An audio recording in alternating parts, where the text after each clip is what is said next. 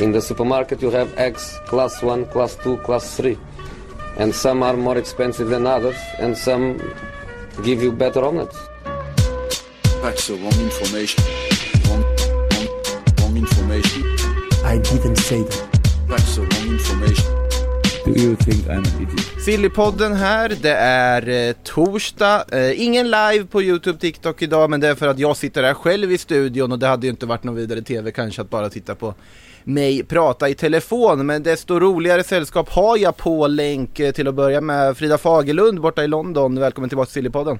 Tackar, tackar. Kul att vara här. Du fick ju värma upp lite där med Premier League-genomgången här igår så att nu är du ju igång med poddandet igen. Jag har du har kört EM-podden också under hela sommaren här också men Ja, men vilka, Silly och... Ja. vil, vilken skillnad det är ändå att sitta med folk i samma rum och podda kontra att eh, podda på länk. Det är det. Det upptäckte jag ju nu under EM, att det är betydligt skönare när man kan se varandra i ögonen. Det kan vi ju inte nu, men så får det bli. Ja. Nej, ni, hade ju, ni hade ju inte någon studio heller, ni hade ju lite alla möjliga olika plattor ni satt och poddade på, du Rydén och Torén där borta kändes det som jag såg på. Det blir, mycket, det det blir mycket bilen och sådär. Men, eh, Bilpodden ja. Ja, precis. Men det kan ju det kan vara mysigt ibland med lite billjud kanske.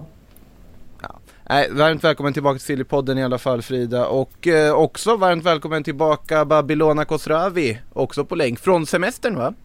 Ja då, tack så mycket. Eh, hur är läget med dig? Det är bara bra tack, varmt. Jag sitter inlåst i ett rum för att stänga ute ljud från alla andra här hemma. Ah, jag förstår. Eh, men vi hoppar väl rakt på det. Eh, det som har hänt sen vi spelade in senast, ja det har hänt en hel del som man alltid brukar säga.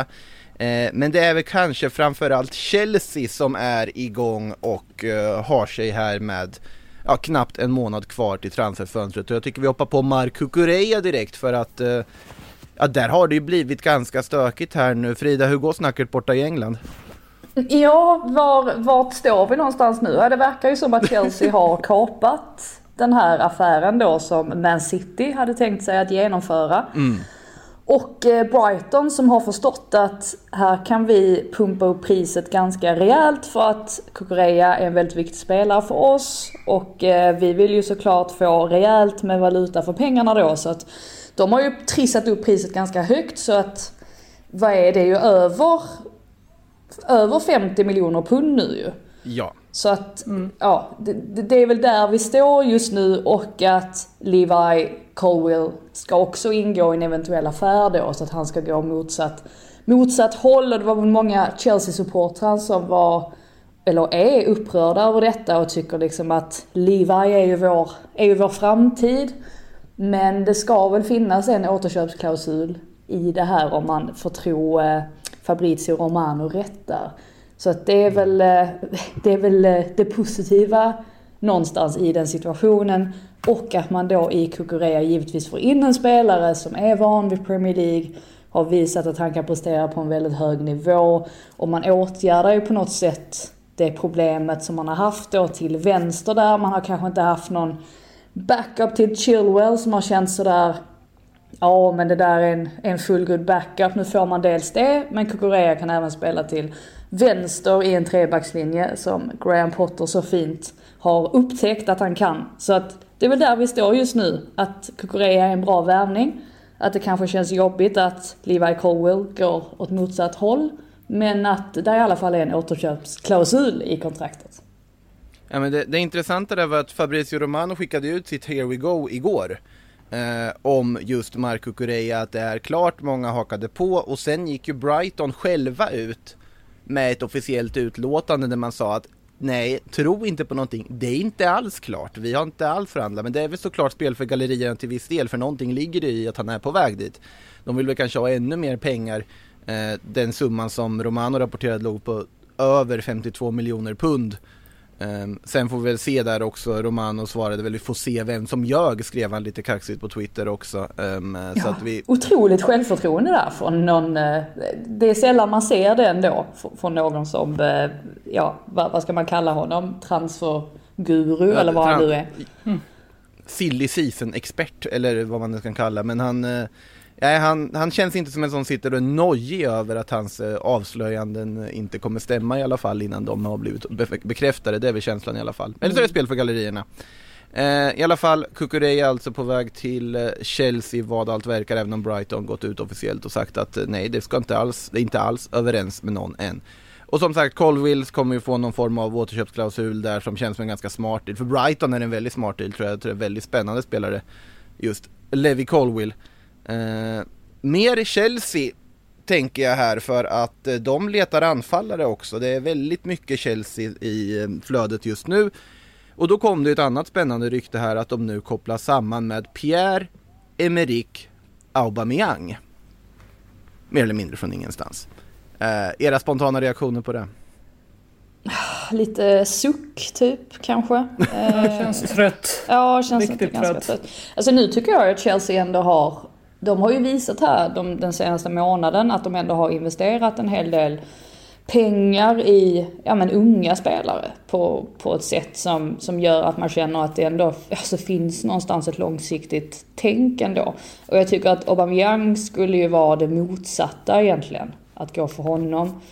Det är en spelare som visserligen kan hålla en väldigt hög nivå när han väl mår bra och kanske möjligtvis då när han inte behöver ha det yttersta ansvaret som han hade i Arsenal i det här att han bar kaptensbindeln.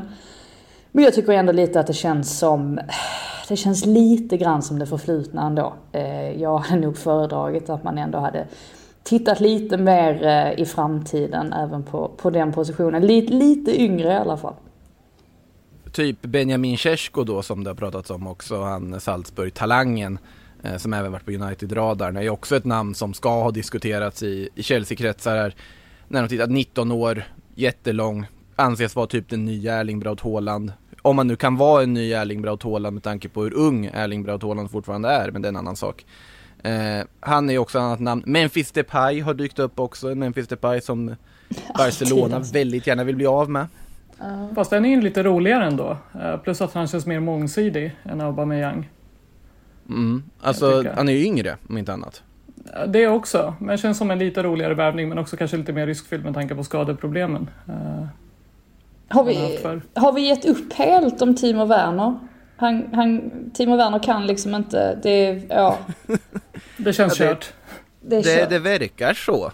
Alltså som att Timo Werner inte ingår i några planer där och att eh, närmaste som ligger där är väl eh, RB Leipzig i dagsläget att han kommer tillbaka dit på någon form av lån med köpoptionslösning. Det är det senaste jag har sett i alla fall.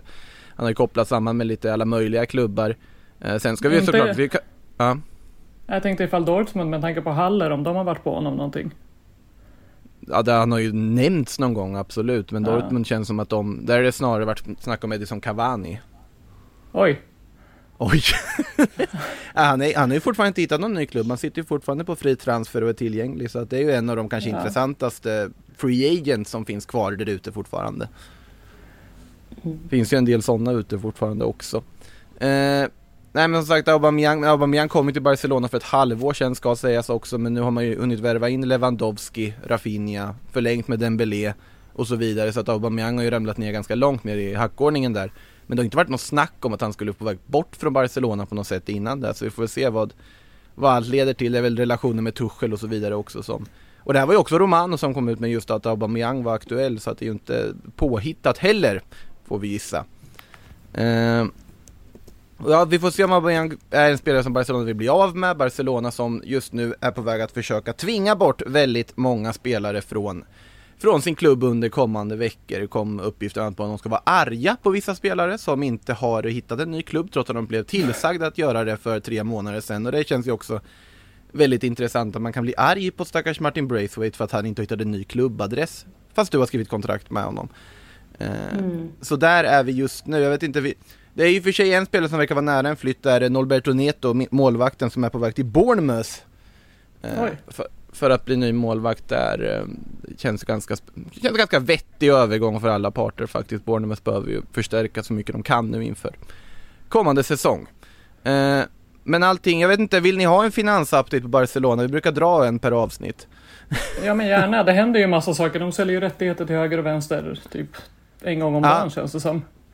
Senaste är dock att det inte räcker. Alltså de, de har ju de har gjort tre så kallade hävstänger. De har sålt 25% av tv-intäkterna de kommande 25 åren och de har sålt 25% av Barca Studios som är de som sköter deras liksom, digitala, deras digitala contentbyrå är det egentligen. Med merchandise och så vidare, NFT när de håller på med och alltihopa nu också.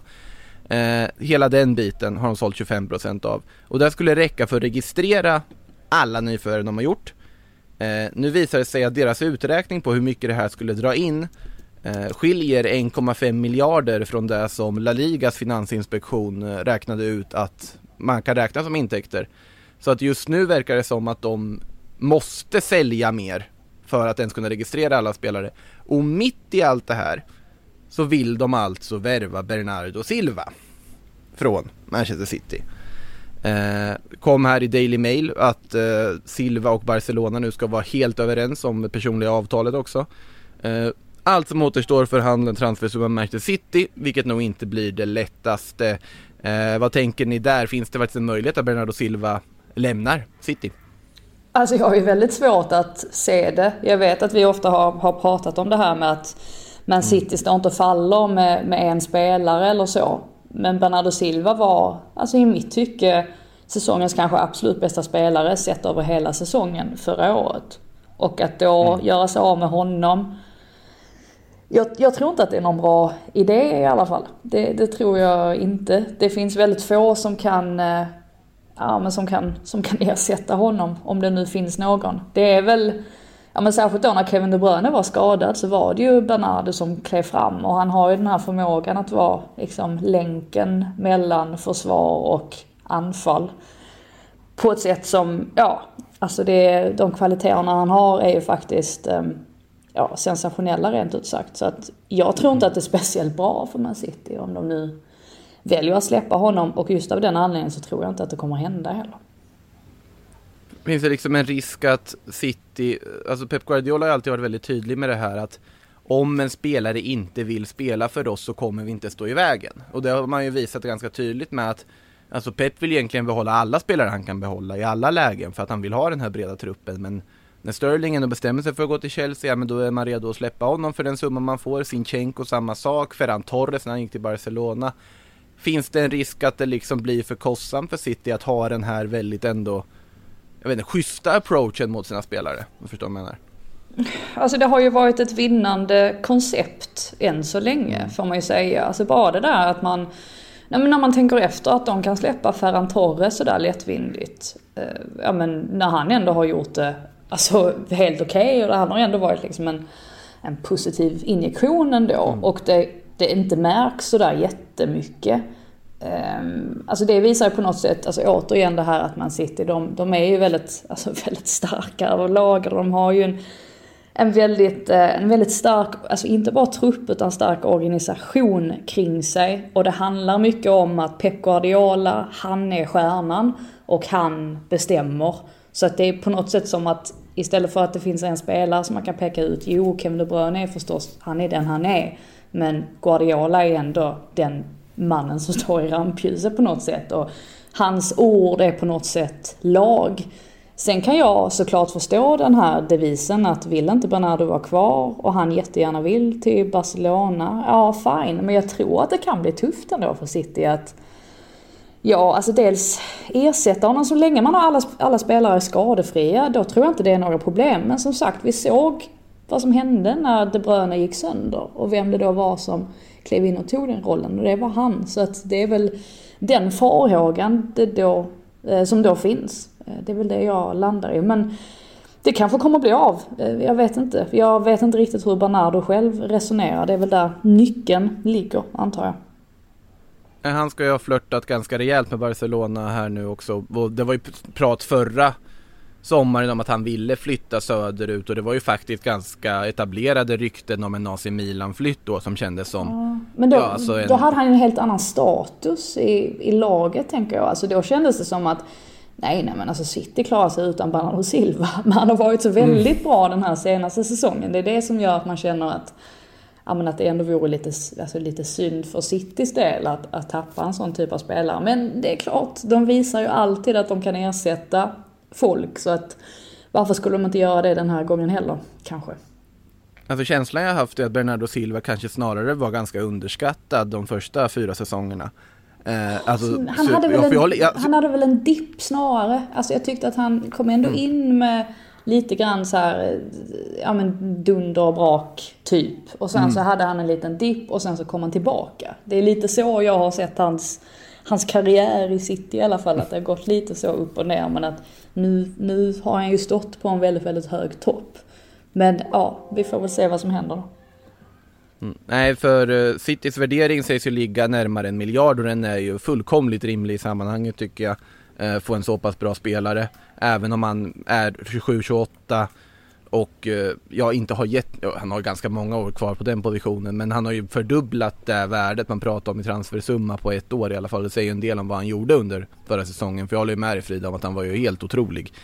Eh, det, det som har ryktats som en potentiell Bernardo Silva-ersättare om det nu skulle bli fallet ska sägas också. Det finns ju alla rapporter i Spanien och överallt tyder ju på att om inte Barcelona lyckas skeppa Frenkie de Jong så är inte Bernardo Silva möjligt. Och det är om de säljer Frenkie de Jong, då kommer de gå för Bernardo Silva och de kommer göra det rejält och de kommer sannolikt också lyckas. Men kom, kommer de men- sälja de Jong då till City? Han ryktas väl bara till Chelsea och Man United eller finns det någonting Nej, nej där? absolut inte City. Absolut inte City. Det, Okej. det är bara Chelsea eller, eller United som är aktuellt och då Chelsea sägs ju ha gått in nu och försöka värva honom på allvar.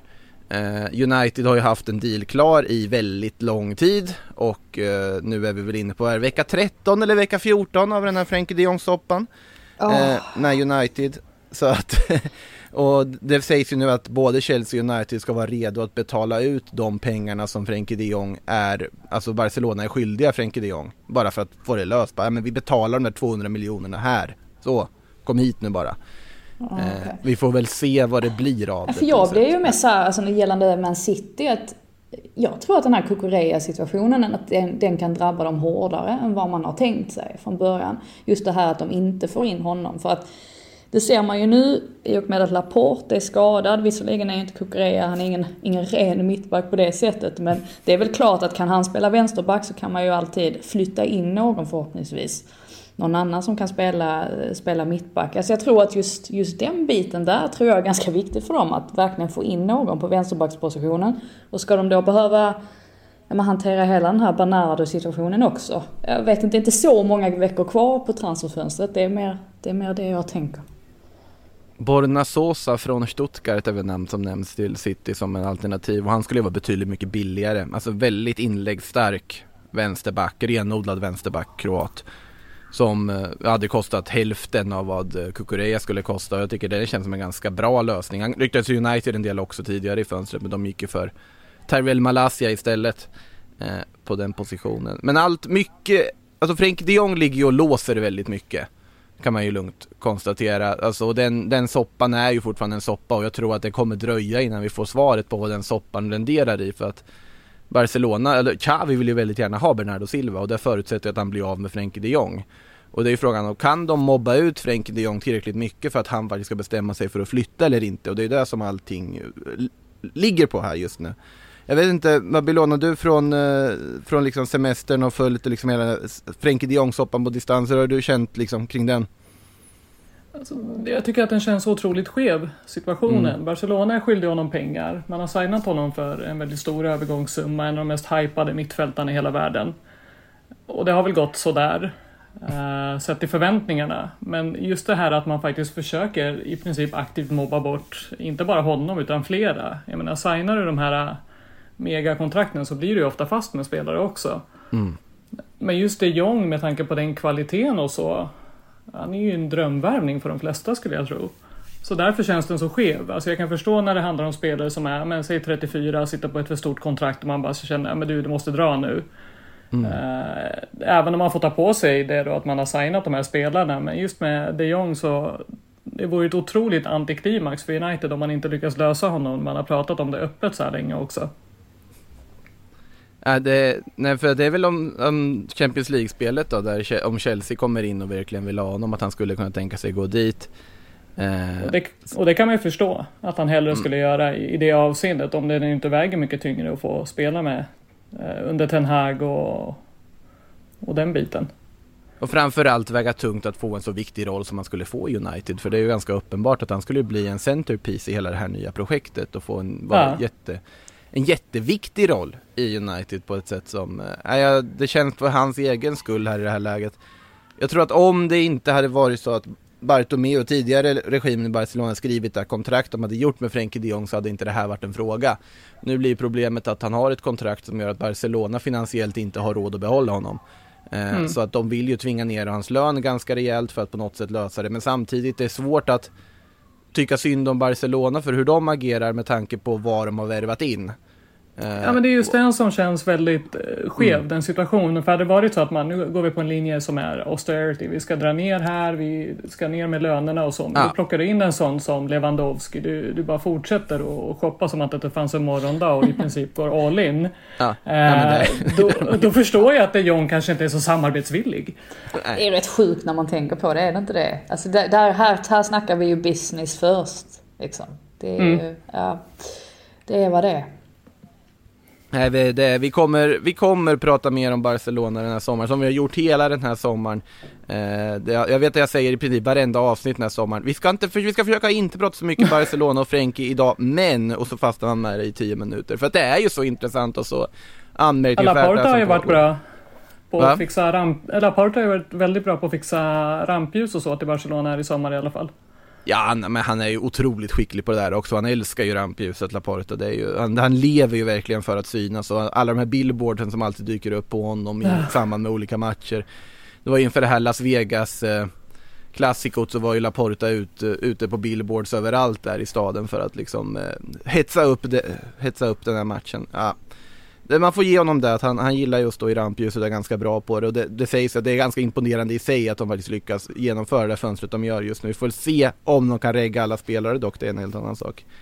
Eh, det, jag hoppar tillbaka till Bernardo Silva lite här för att det finns faktiskt ett annat klubb som vi ska slänga in i den mixen för att även Paris Saint-Germain verkar ha ställt in siktet på honom.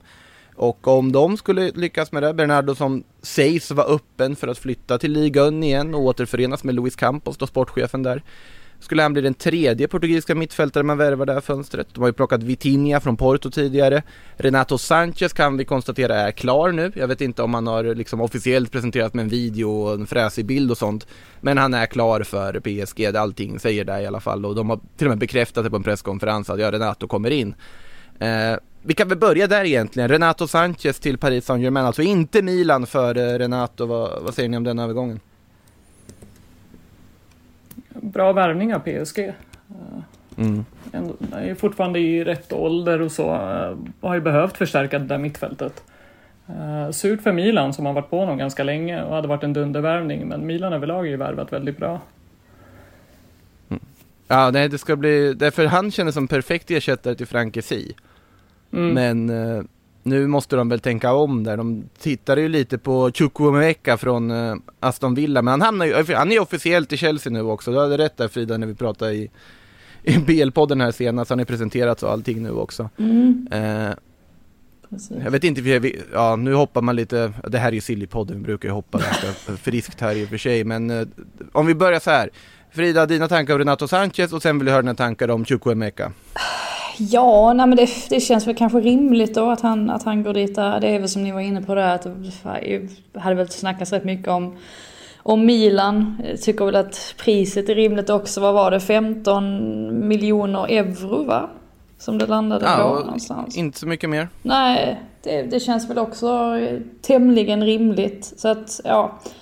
Det är bra för, bra för PSG. Jag tror inte riktigt lika mycket på det här Bernardo-ryktet till PSG. Det känns lite, kanske känns lite, lite krystat ändå. Om det nu ska hänga på att Bernardo jättegärna vill till just Barcelona så förstår jag inte riktigt hur, hur en övergång till PSG skulle gå till. Så att det är väl det jag landar i där. Vad var, vad var andra frågan? Karni Chukwemeka. Ja, Carney. Ja. Eh, eller Carney borde det vara va? Carney, ja, Carney. Carney. Det var lite, det blev lite sådär chili con carne där. Eh, nej men Carney. Jag vet inte vad som kommer att hända med honom. Det, jag, har inte, jag har inte sett någonting, jag tror inte att någon riktigt vet. Man ska säga också, eller tillägga att den här övergången kom väldigt, väldigt mycket out of the blue. No pun intended. Ehm, det, det, var, ingen journalist som hade koll på detta och det är väldigt, väldigt ovanligt i England att det är på det viset. Mm. Så att det gör ju också att det är inte så många som har insyn i, alltså vad planen är för honom just nu. Det rimligaste känns väl ändå att han kommer att bli utlånad och få mycket speltid. För man kan inte riktigt se att han ska kliva in nu, vara en del av truppen och få alltså, väldigt lite speltid då antagligen, eller begränsat med speltid som det i så fall kommer att bli. Utan det bästa för hans utveckling känns väl ändå som att han i så fall kommer att bli utlånad. Så att det, är väl där man, det är väl där man står just nu. Men som sagt, det visar ju ändå att Chelsea, de, de har ju ändå ögonen på de här yngre talangerna och har ju uppenbarligen förmågan att att locka till sig dem också. Sen fick han ju ett rejält kontrakt också så att det, det hjälper väl antar jag.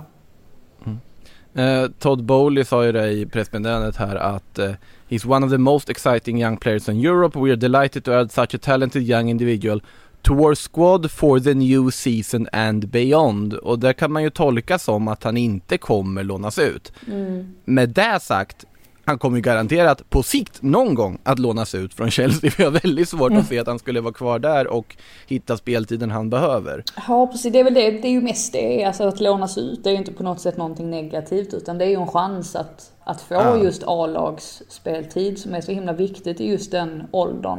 Det hjälper liksom inte att, att du får träna med de största stjärnorna. Du måste verkligen få alltså, matchspel. Så att det, det tror jag väl definitivt att de kommer försöka, försöka ordna i alla fall. För att investerar man så mycket pengar i honom så vill man ju definitivt ha någonting, ha någonting för det.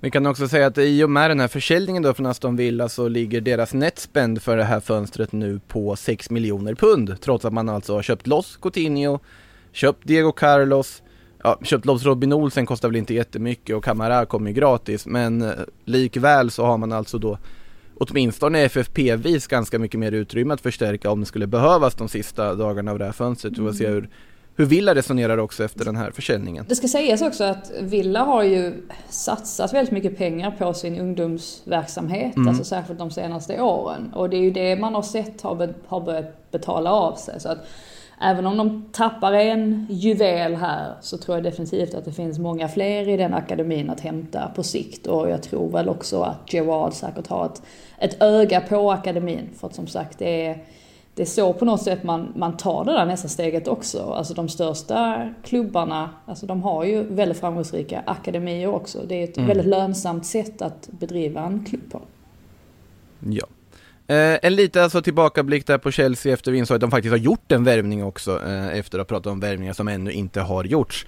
Eh, tillbaka till PSG där, för eh, där finns det ju en hel drös spelare som eh, inte ingår i planerna när de hämtar in varenda FM-relaterad portugis som går att hitta till, eh, till det här PSG-projektet där med Luis Campos och Christophe Galtier som när de, de har gjort en hel omvändning där verkligen med eh, liksom rekryteringsprocessen att nu, nu ska det värvas eh, sådana här riktiga fotbollshipsternamnet till klubben snarare än de stora stjärnorna och vi får väl se om det här är vägen som faktiskt tar dem hela vägen till till den där drömmarnas mål, det vill säga Champions League-bucklan de ännu inte lyckats ta. Eh, någon som antagligen inte ingår i de planerna, han heter Mauro Icardi. Eh, du, har du en update på hur det står till med Icardi va? Ja, alltså både privat och eh, vad det verkar hans eh, karriär framöver. Eh, hans fru och agent, den famösa Wanda, är ju i Argentina nu. Och då får man väl anta att det är hon själv som har läckt eh, ett röstmeddelande som hon har skickat till en eh, ja, men före detta anställd där hon säger att hon ska skilja sig från Mauro, att hon befinner sig nu i Argentina och ska lämna in papper. Eh, vilket där ställer till ganska stora problem för honom, det, eh, skulle jag vilja säga. Ja, alltså den, det där har ju varit en soppa minst sagt, eh, Wanda och Mauro eh, genom åren. De var väl nära att skilja sig ett tag där också va, innan? Ja, så- han, det har ju varit otrohetsrykten kring honom och någon Ja, annan precis. showgirl i Argentina då, och det sägs vara det här då som de inte har kunnat gå vidare ifrån. Och att hon nu vill ta det här beslutet och skilja sig och då är frågan, ja men hur gör du när den du ska skilja dig ifrån även är din agent? Och eh, din karriär, om man ska vara snäll, har gått i stå de Ja. sista två, tre åren. Men- men Eh, fin- och, ja, sorry. Nej, kör du. Nej, alltså då... Det som kan hända här då, och det man har sett av Wanda förut är att hon är ju ganska hämndlysten. Så frågan är ju hur det blir nu med barnen och så också. Hur det här kan påverka Mauro som har sett ganska deprimerad ut överlag. Uh, om man tittar på sociala medier så det är en rätt död blick överlag då på den här spelaren som inte har presterat uh, på planen heller uh, och har en hög lön.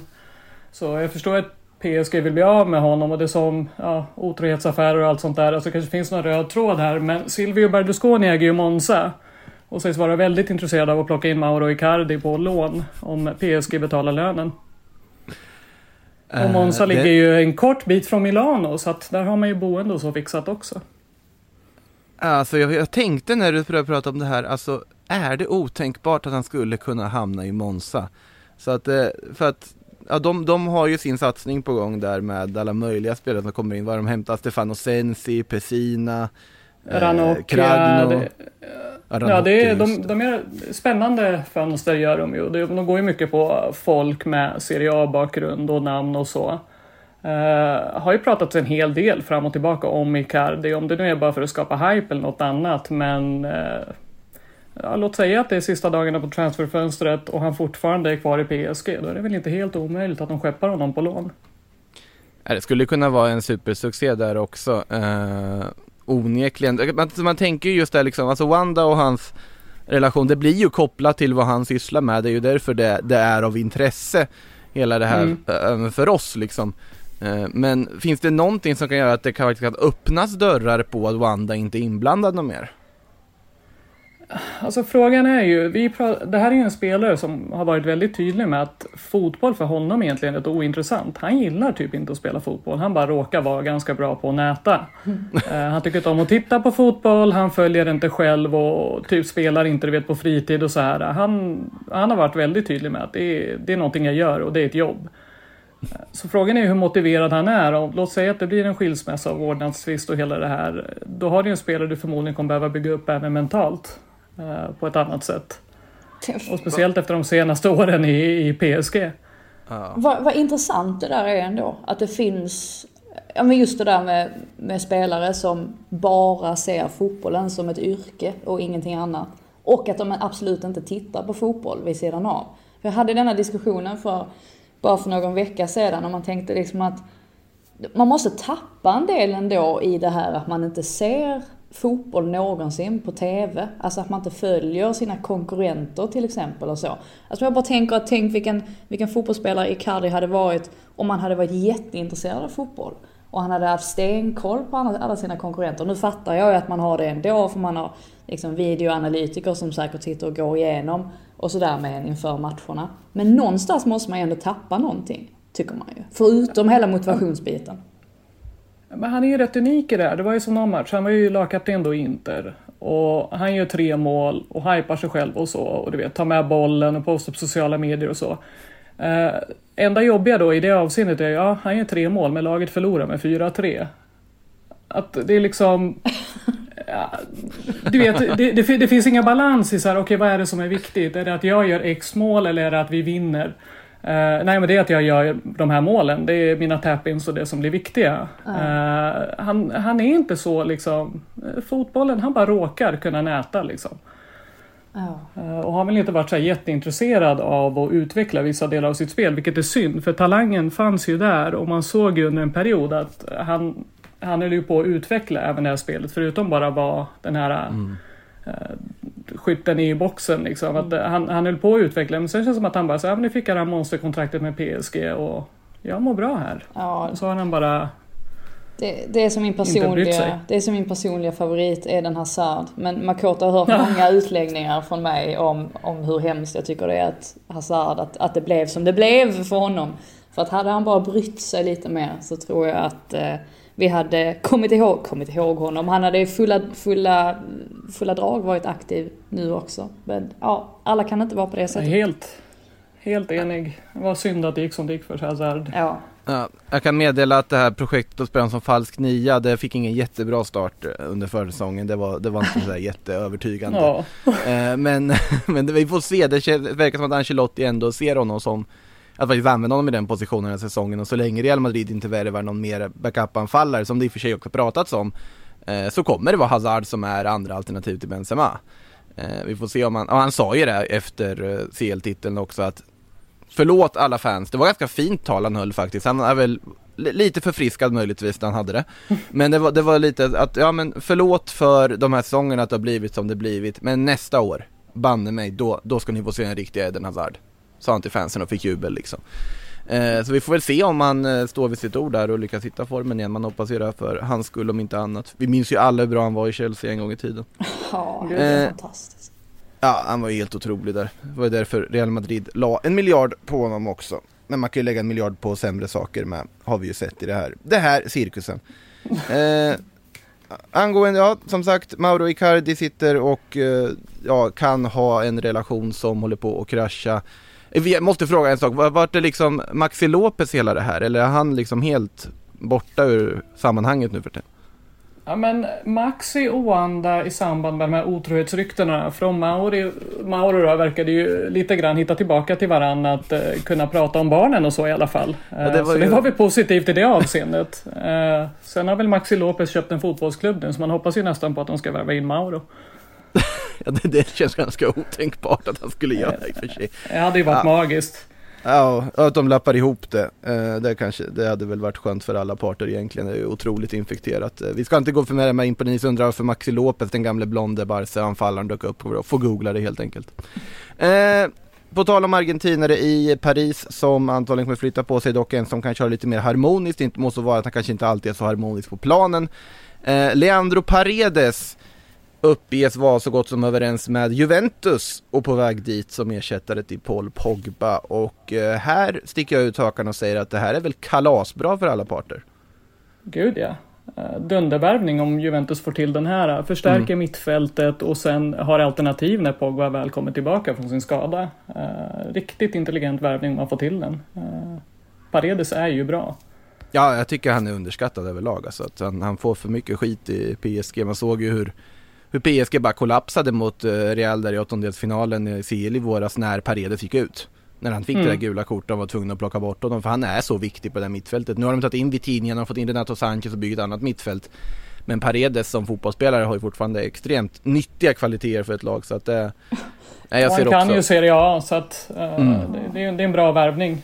Återigen det där med prislapparna också, att han också kostar 15 miljoner euro. Alltså om man tänker prislappar då kontra liksom all, alla spelare som Premier League-klubbar jagar, det är ju helt bisarrt egentligen. Alltså hur kan, det, hur kan det vara så en enorm skillnad? För att även om såklart, alltså vissa spelare är ju mer värda, men i, pass man tänker liksom att det, de är inte så mycket mer värda, om ni förstår vad jag menar liksom. Det är, ja, väldigt märkligt, men ja, bra deal för, för Juventus. Men det är det. Si- Sitta på långt kontrakt i ett Premier League-klubb och andra Premier League-klubbar vill ha dig, då kommer du kosta väldigt mycket pengar. Sen med det sagt, alltså Brightons värdering av Kukureya, om man tar det som jämförelse, är ju rimlig. Utifrån marknaden är den helt Abs- rimlig. De absolut. gör helt rätt. Ja. Helt Mm. rätt. Eh, sen är det snarare, sen kan man diskutera till exempel hur Leicester värderar James Madison när Newcastle kommer med sina bud om man kanske inte, eller hur Leicester värderar Wesley Fofana när Chelsea kommer. Ja, de ska ju buda på Fofana nu på runt 70, 60 miljoner pund eller vad det var och Ch- Leicester bara sa tack men nej tack. Eh, Ja men de, de, vet, de kan- vet ju att det har funkat förr också. De släppte ändå Chilwell en gång i tiden till slut och ja, de Harry försöker, Maguire. ja, de försöker såklart trissa upp priserna när de vet vilka typer av klubbar som är, som är ute efter deras Mm. spelare också. Så är det. Eh, några som verkligen lyckades trissa upp priset i Chelsea förra sommaren, det var ju Inter när de sålde Romelu Lukaku. Eh, som de fick tillbaka sen på en hyra som var betydligt mycket mer blygsam än vad de fick för övergången. Eh, när vi har med dig i Babylon tänkte jag fråga, vad händer i Inter just nu? Inte mycket. Eh, man har ju förtvivlat svårt att sälja spelare. Det det pratas mest om är väl att man försöker då bli av med Alexis Sanchez som sägs gå till Marseille eh, så fort man lyckas komma överens med Inter om att betala någon bonus sheet att han får ut eh, halva lönen eller någonting på det här sista året på kontraktet. Eh, Så att det, det är väl det. Eh, Man har haft jättesvårt att få in, eh, man behöver ju en till mittback. Eh, Och man skulle egentligen behöva ersätta då Sanchez, man var ju väldigt sugna på Dybala. Men eh, när du har de här spelarna, 30 plus, som sitter på väldigt höga kontrakt då, eh, för italienska klubbar som Dzeko och eh, Sanchez så blir det svårt att plocka in en sån som Dybala också då. Eh, Så att eh, just det här problemet med att man, de enda man har kunnat sälja någonting till har ju varit Chelsea. Eh, Och det har man inte lyckats med i sommar. Är Skriniar kvar nu? Eller är Skriniar- fortfarande det på tapeten? Skulle det komma ett bud på 70 miljoner euro tror jag nog att man har svårt att säga nej. Eh, tyvärr. Men som man har gått ut nu från klubbens håll så har man ju varit så ja men vi, eh, vi ser Skriniar som en viktig spelare och allt det här. Eh, men man har inte gått ut med att han absolut inte är till salu. Utan man, man lyfter fram att han är en viktig kugge i laget och så vidare och så. Men låter väl liksom eh, hinta om att eh, allt är till salu för rätt pris. Mm. Nej men för, för om man jämför liksom när Bastoni-ryktena kom i början av sommaren, då var det ju bara Bastoni och hans agent gick ut och sa nej jag ska ingenstans. Och sen bara var det så. Och det är ganska Ja. skönt och liksom upplyftande att se en sån historia när det bara liksom, de säger nej och så blir det ingenting. Ja, De följer hans ord och han stannar. Skriniar är ju lite mer liksom varit luddigt på egentligen vad det är som Ja, pågår fast med han PSG. själv, han själv har ju varit väldigt tydlig, eh, alltså två veckor efter säsongen och så. Det enda han pratade om var jag ska på semester, sen kommer jag tillbaka och så förlänger vi. Eh, Så han har ju varit tydlig med att han vill vara kvar i klubben och ses ju av många som en ledarfigur och en eventuell nästa kapten. Så att eh, han själv har ju inte alls varit sugen på att gå. Sen är ju frågan om, ja, kommer det en klubb och vill trippla din lön så tror jag nog som att då- då börjar du väl fundera på det, annars är det ju dum. Men jag förstår Eh, inte men- varför liksom Chelsea inte är där. Eh, de har väl pratat lite, men där har jag pratat mer om Dumfries på kanten. Just det. Att gjort. de har varit intresserade av. Eh, men ja, uh, Skriniar är ju en väldigt bra mittback. Så att, eh, det är lite konstigt att fler inte är på där. Och hade man sålt honom i början av fönstret och kunnat plocka in Bremer så eh, nedköp just nu, men det hade ändå varit en logisk affär sett till hur man ska tänka framtid och så och ekonomiskt och så. Nu vore det ju hål i huvudet att sälja en sån viktig kugge i försvarslinjen och inte kunna ersätta på något bra sätt. Nej men för Bremer låg ju på någon sorts standby-läge väldigt länge. Mm. Utan att det liksom blev någonting och sen kom Juventus in och bara plockade honom och sen så var det farväl. Ja, Liksom, att när, inte... när Juventus skeppade Delikt så var det ju liksom, då kunde man bara direkt, det här har vi, varsågod. Och sen fick ju Bremer, han skulle få, vad var det, 3,5 miljoner euro netto i Inter, i Juventus får han 6 miljoner netto. Så att det var, det var en riktig, också så här, håll käften-värvning till resten av ligan, att när vi går in så ger vi de här lönerna, vi är det här. Det är ju ingen annan som kan konkurrera med det heller, att ett sånt erbjudande. Så det är väl klart att spelaren också, istället för att sitta och vänta på Inter, det är klart han går dit. Eh, Frida, vi nämnde ju här Denzel Dumfries också lite som ett alternativ till Chelsea. Som backup då till Reece James tänker jag väl spontant att han är tänkt som. Vad säger du om det?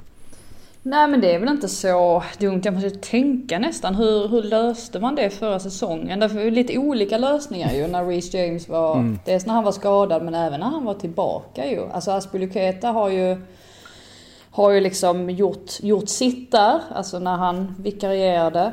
Sen så har ju även, alltså Ruben Loftus-Cheek gick ju också ut och spelade höger wingback. Vilket ju givetvis inte var någon, något första val. Men han gjorde det faktiskt helt okej. eller han klarade ju av den, den uppgiften helt okej i alla fall i någon match där. Så att det, det känns väl som att, eh, ja det känns väl rimligt kanske att, att försöka hitta någon, någon, eh, någon backup på den positionen.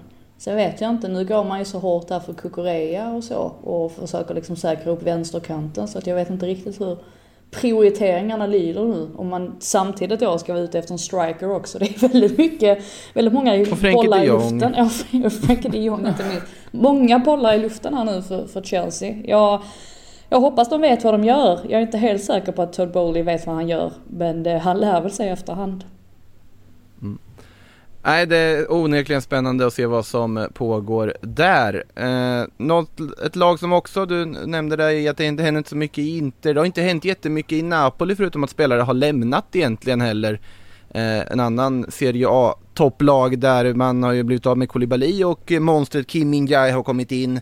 Eh, trotjänarna Insigne, Mertens försvunnit och så kan det bli lite eh, rockader på målvaktsfronten också va, Babylona? Ja, enligt Martio så kommer Napoli låna ut då Meret till Spezia. Och då ryktas det faktiskt om att eh, Kepa kanske kommer in då på lån.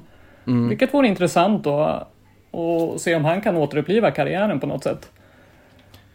Ja, alltså det, det känns ju spontant som en ganska vettig lösning. Sen vet jag inte varför med rätt skulle vilja gå till Spezia i det här läget, men eh, som första målvakt just Ja. nu i Napoli. Men de behöver, han är kanske inte riktigt bra heller för att spela i en klubb som har ambitionerna som Napoli har. I alla fall inte som första målvakt.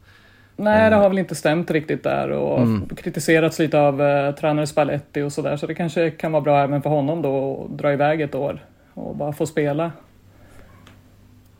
Nej, Men alltså, ja, målvaktsfronten är en sak i Napoli, men annars känns det också som att då det är så otroligt mycket de egentligen behöver med tanke på att den truppen känns ganska tunn just nu.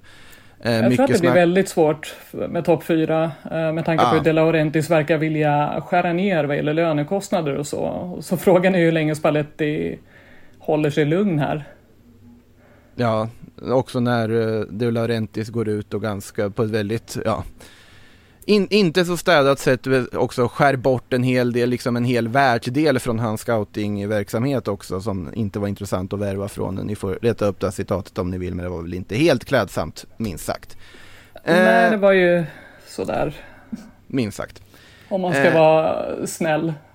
Om man ska vara väldigt snäll så var det väl eh, sådär ja. Eh, något som inte är sådär, det är ju AC Milans senaste värvning. Det är väldigt spännande. De fick ju honom till slut, spelaren som de ville ha. Som heter, nu ska vi se om jag minns hur han själv sa att man skulle uttala det. Charlie de Ketelare, tror jag det var. Och det var väl inte, det är väl inte ens så man säger egentligen utan han har bara varit snäll här och gett liksom, och sagt ett uttal nu att det här är lugnt, ni kan säga mitt namn så här. Men att uttalet egentligen är helt annorlunda. Jag tror, jag tror det i alla fall. Det är något sånt. Vill, vill du ge dig en chans på det annorlunda ut, riktiga uttalet Frida? Nej, men, men jag, jag bara förutsätter att han är från eh, Flemish, vad heter det på svenska? Flamländska, från den flamländska delen av Belgien. Och eh, jag vet inte om ni någonsin har kommit i kontakt med flamländska. Men jag gjorde det nu Nej. under EM, där det var en presskonferens där Belgien växlade mellan franska och flamländska. Och, och när de växlade då, för franska kan jag lite sådär halvt, typ, så att där antecknade jag lite. Och sen så växlar de då till flamländska och jag fick en fullständig chock för att är du svensk och du kan lite tyska, du kan engelska, då kan du typ flamländska. Jag vet att det låter helt sjukt men det var så mycket man förstod som svensk där och lite så språkkunskaper i, i ja, med andra språk. Så att man kunde skriva och skriva ut citat. Sen kan jag ju inte säga ett ord själv såklart. Men det var ändå en lite sån där uppenbarelse att flamländska, herregud. Alltså tänk vad lätt det vore för oss att, att lära oss det. Bara tips om någon vill vara lite udda och lära sig ett nytt språk. Lära flamländska, det går på några veckor. Men Nederländska är väldigt likt också egentligen, bara att man inte... men det är så många- Det förstår man inte. Det är Omöjliga uttal i nederländska. Exakt, flamländska rekommenderas starkt. Ja. Eh, frågan är, rekommenderar vi Charlie de Ketelare lika starkt till Milan? Eh, en 1,92 lång offensiv mittfältare, 21 år gammal, stänkte dit eh, 14 baljer för sitt klubb Brygge förra säsongen. Eh, det här är väl spelaren som de liksom tidigt pekade ut att de ville ha till den positionen och nu också får. Ja, alltså det här är ju en välscoutad spelare. De har ju följt honom i två år tydligen. Eh, och väldigt starkt här. Nu var det i och för sig inga...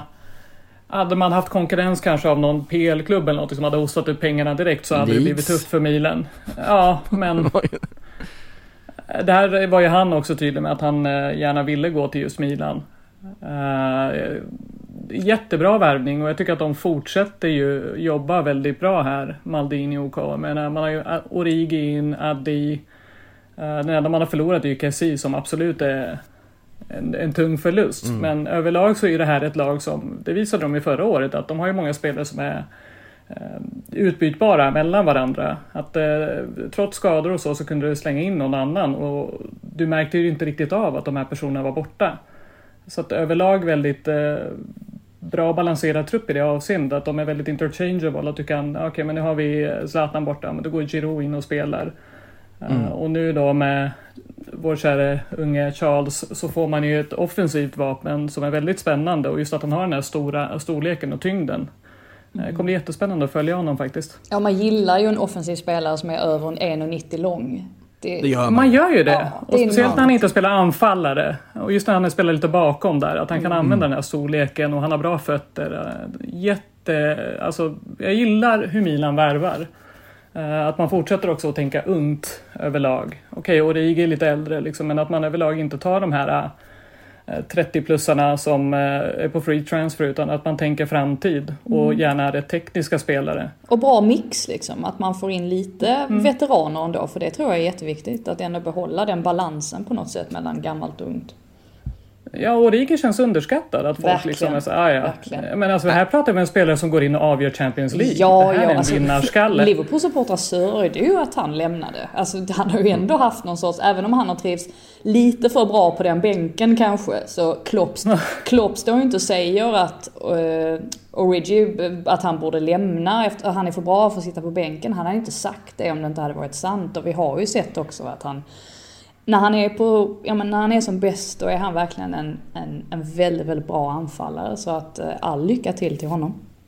Det var ju nästan så han faktiskt fick en parad i Liverpool när han skulle lämna. Det var, det var ju ändå nära känns det som. Det var inte, det var, han är kanske inte på samma nivå som Mané, men, men nästan sådär ändå på något sätt. Ja men han var ju kultspelare. Ja. Jag tror nog att det känns som att Patrik Syk var mer ledsen för att Origi lämnade än för att Mané lämnade om vi säger så. Ja, jo, det, Eh. det är ju han också.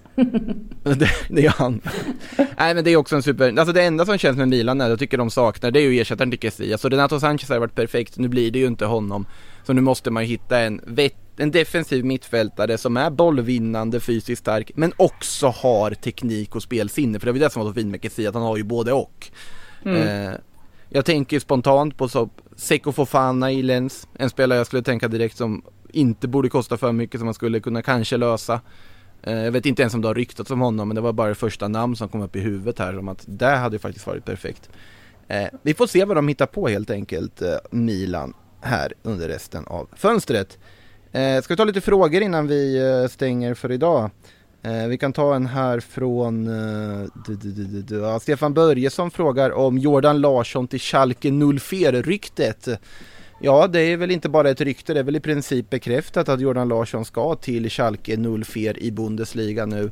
Eh, vet att vi har skrivit om det, jag vet att Fabrizio Romano har skrivit om det. Eh, att han ska vara nära i alla fall. Eh, så att, eh, ja, vad, eh, vad säger vi om det här klubbvalet? Jag är lite orolig för det här klubbvalet måste jag säga. Ja, alltså jag För vet att- inte. Ja, ja fortsätt. Ah, nej men för, för alltså, jag vet jag pratade med en, en kollega här som följer Schalke väldigt väl, Albin, som, som, och som liksom håller på Schalke också, som sa det att den enda position som de överhuvudtaget har någonting positivt är ju anfallsled. Och att det inte är helt säkert att han ens kommer att starta på topp i Schalke. Nej, Och då är det ett väldigt konstigt val. Ja, det är ju inte bra för honom. Och man har ju sett också, Jordan Larsson har ju haft en väldigt konstig karriär, inte minst i landslaget. Om man tänker hur han ändå, det var inte så länge sedan han ändå ja, fanns med i truppen, att han hela tiden var på tal, att Janne skulle ta ut honom. Men nu känns det ju helt plötsligt som att han är väldigt långt ifrån. Och ska han öka sina chanser att komma med där igen, jag vet inte. Alltså det, man kanske inte. Han kanske inte hade jättemånga val heller. Men någonstans så... Detta får ju inte mig att tro att han kommer slå sig tillbaka in i landslaget. Men, men vem vet, det kanske, blir, eh, det kanske blir jättebra i slutändan. Mm. Jag inser att när jag sa att det var bekräftat var verkligen att höja, han är ju på väg till Schalke och eh, Romanos har skrivit om det men det är inte, det är inte presenterad på något sätt än. Eh, vi kan ta en, på tal om forward, Niklas Beldahl frågar vad händer med Belotti, varför är inte han klar för någon klubben? Han är väl klar för Roma? Nej, Inte? äh, lär väl bli Roma. Men eh, han- är väl inte officiell än, är han? Nej, inte officiell men alltså Gazetta klar. Ja, Gazzetta klar är han ju. Och för, för Roma-fans så kan man ju också glädja dem med att Wijnaldum förväntas vara i Rom ikväll. Just det ja. Enligt också. Ja, enligt Angelo Mangiante, en journalist, så om man gillar Roma kanske ska gå in och bara kolla på hans Twitter-profil för han har photoshopat in sig på en hel del bilder med Wijnaldum och så. Han har hypat den här äh, övergången ganska länge. Har han själv Eh, fotat in sig själv med Wijnaldum? Ja, han har typ satt sig som en tatuering på hans rygg på någon bild och så här. Han är, det, det är ganska konstigt är det. Jag kan retweeta en och så kan vi se. Och han ser sig själv så här i bakgrunden på någon bild. Jag körde några retweets här på Angelo. skäms lite. Men eh, ja, men- han, eh, han har satt sig själv är på, på tvn eh, jätteskevt. Men eh, han eh, jättebra fönster av Roma Men, överlag skulle jag säga. men kommer, Be- Men har ni sett? kommer Belotti få ett, ett sånt här Dybala välkomnande också? Eller det, det blir, på, blir inte på samma nivå kanske? Förmodligen inte va? Inte samma hype där på stackars Gallo Belotti. Det känns ju mera trött. Var, varför, Bra backup. Varför har han tatuerat sin själv på Wijnaldums rygg för? Jättekonstigt. Alltså jättekonstigt. Det är så Eh, oklart. Där, och vi, pr- vi pratar alltså om en man i, om man ska vara snäll, övre medelåldern som har gjort det här. Så att, eh, ja. Han är tydligen i ATP-rankad Italien. i tennis enligt sin egen Twitter-bio också. Ja, Ja, det är... äh, Följ tryckte jag precis på. Så, Ja. eh, kom, vi, kom vi vidare från, från, från där. Ja, Belotti som sagt verkar vara på väg till Roma och det ska ju bli spännande att följa. Och så tar vi också, det, det, vi, vi kör strikerspåret på alla frågor där tycker jag för att både Axel Thorsson och Jesper Andersson frågar om Borussia Dortmunds nya striker, vikarien då till Sebastian Aller som eh, otroligt tråkigt nog drabbats av testikelcancer och blir borta på obestämd tid.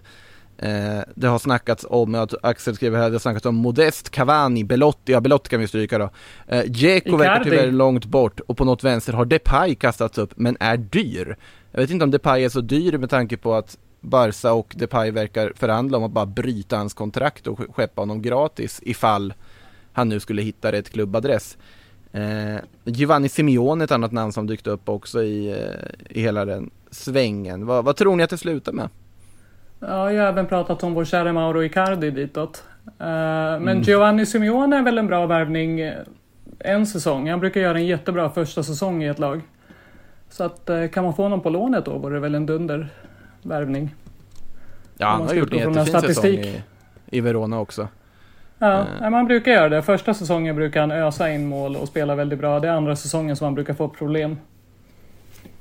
Han verkar i alla fall bättre på schack än sin pappa för att referera till en gammal semesterbild som dök upp där. Det var, det var också intressant.